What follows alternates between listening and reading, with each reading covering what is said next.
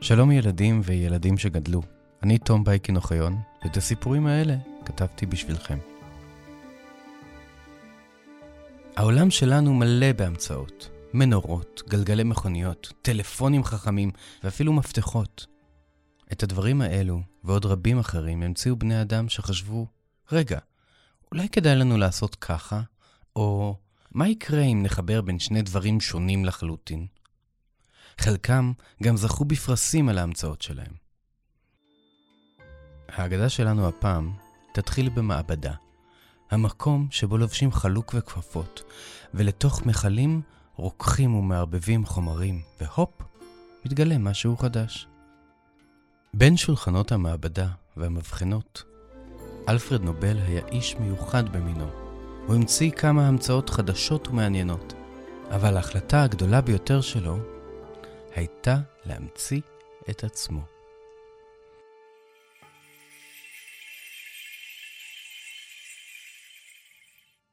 אלפרד נובל נולד בשוודיה בשנת 1833.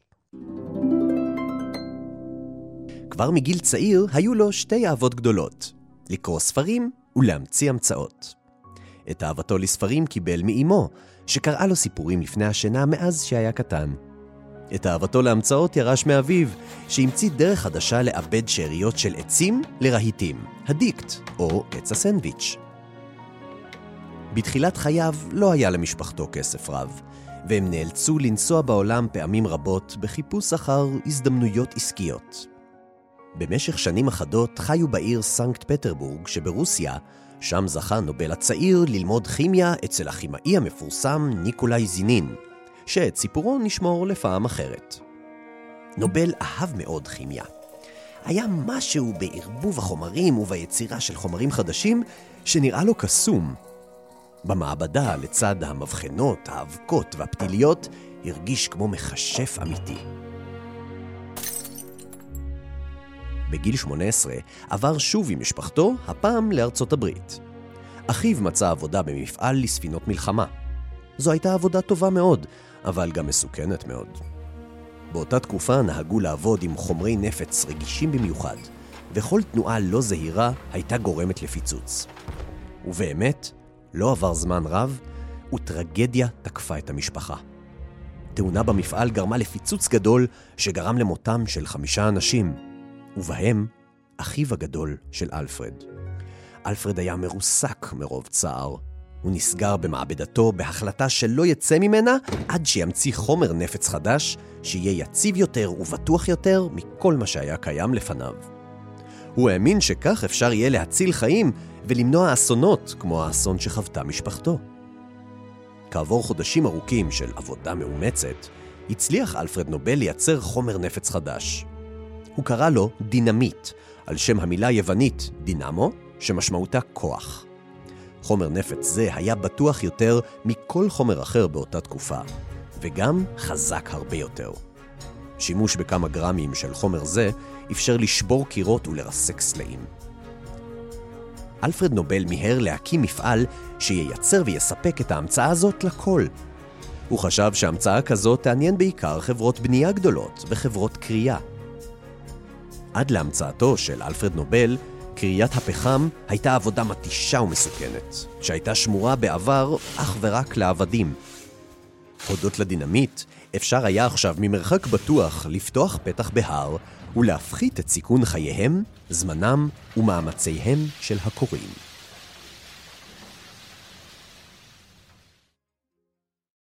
הבעיה עם המצאות היא שהממציא אחראי רק ללידה שלהן, ואינו יכול לדעת אילו שימושים ימצאו להן אנשים אחרים. יום אחד, אלפרד נובל, שהפך לעשיר מאוד הודות להמצאתו, גילה שאנשים מצאו שימוש חדש לדינמיט שלו. שימוש צבאי ככלי נשק חדש ומסוכן במיוחד. רציתי להציל חיים, חשב נובל, ועכשיו, בגלל המצאתי, חיים רבים יאבדו.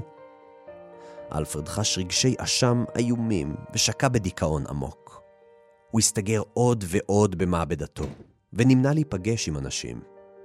הקשר היחיד שלו עם העולם היה בקריאת העיתון בכל בוקר. בוקר אחד פתח אלפרד נובל את עיתון הבוקר שלו וגילה בו ידיעה מרעישה. הכותרת הייתה אלפרד נובל מת. התברר שבעיתון חלה טעות. מר נובל אחר נהרג יום לפני כן בתאונה בצרפת, ובעיתון חשבו שאלפרד הוא שנהרג. אלפרד כמובן הזדעזע לשמוע על מותו שלו בפתאומיות כזו, אבל המשך הידיעה היה מזעזע הרבה יותר. מחרחר המלחמה צמא הדם, אלפרד נובל, האיש שהמציא דרכים מהירות ויעילות להרוג אנשים, ועוד העז להתעשר מכך, מת בעצמו סוף סוף. אלפרד נשבר. האם זה מה שיגידו עליי ביום שאמות באמת? אנשים מעטים זוכים להזדמנות לקרוא את ההספד שלהם בעודם בחיים. אלפרד נובל לא התכוון לבזבז את ההזדמנות הזו. הוא החליט לשנות את חייו כל עוד הוא יכול, ולהשתמש בהון הרב שצבר ממפעליו הרבים, כדי להפוך את העולם למקום טוב יותר. בצוואתו הכריז על פרס חדש, שיקרא פרס נובל. הפרס יוענק לאנשים מוצלחים במיוחד, שתרמו לשינוי העולם ולהפיכתו לטוב יותר. הפרס מוענק בכל שנה בחמישה תחומים. בראש ובראשונה בתחום הכימיה, שאותו אהב באופן אישי. הפרס השני מוענק למדענים בתחום הפיזיקה, אשר תורמים לאנושות להכיר את העולם טוב יותר. הפרס השלישי בתחום הרפואה, לאנשים שתגליותיהם תרמו להצלת חיים ולריפוי מחלות. הפרס הרביעי הוא בתחום הספרות, תחום שנובל אהב מאוד, מאז שהיה ילד קטן. הפרס החמישי הוא פרס נובל לשלום. נובל ביקש שהפרס יימסר לאנשים מתחומים שונים שתרמו לכונן שלום בעולם ולמנוע מלחמות. מאז ועד היום, בית המלוכה של שוודיה, מולדתו של נובל, מעניק פרסי נובל בכל התחומים האלה, וכן בתחום הכלכלה. הפרס הכספי הגדול מאפשר לזוכה לחיות בכבוד וברווחה לשארית חייו. אחדים מן הזוכים היו מדענים גדולים, כמו מארי קירי, נילס בור ואלברט איינשטיין.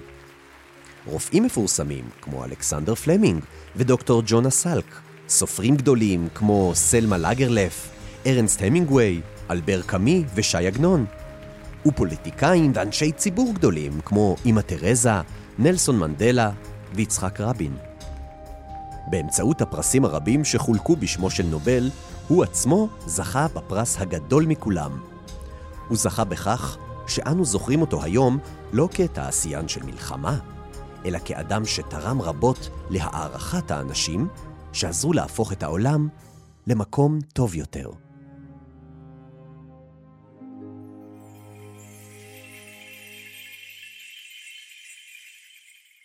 עד היום מחלקים פרסי נובל לאנשים ונשים המשפיעים על העולם כולו, או ממציאים דברים חדשים.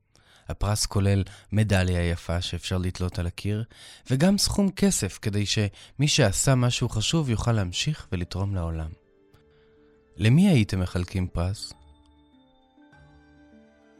על מה לדעתכם חשוב לחלק פרסים כאלה?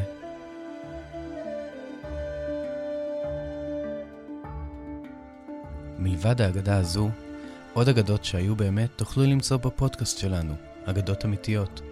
למשל, אגדה על השליט מהודו, שנמאס לו ממלחמות והחליט שלא יפגע אפילו בנמלה. או על הילדה שלימדה את עצמה להיות מורה, ולבסוף נכנסה לכלא, אבל מסיבות טובות. אם אהבתם את האגדות שלנו ונשארתם עם טעם של עוד, אתם מוזמנים להיכנס לאתר של הוצאת פנק ולרכוש לכם עותק של הספר הראשון של אגדות אמיתיות. הפודקאסט נולד ונערך ברשת הפודקאסטים העצמאית שלג. את האגדה הזו קרא עבורכם אורי דרור, וביים עמרי בן דור. טכנאית ההקלטה שלנו הייתה נטע כהן. אני, תום בייקין אוחיון. אני רוצה להזמין אתכם להירשם לפודקאסט שלנו, כאן באפליקציה, לשלוח אלינו תגובה או לעקוב אחרינו בדף הפייסבוק. ככה נוכל לעדכן אתכם בכל פעם שתצא אגדה חדשה.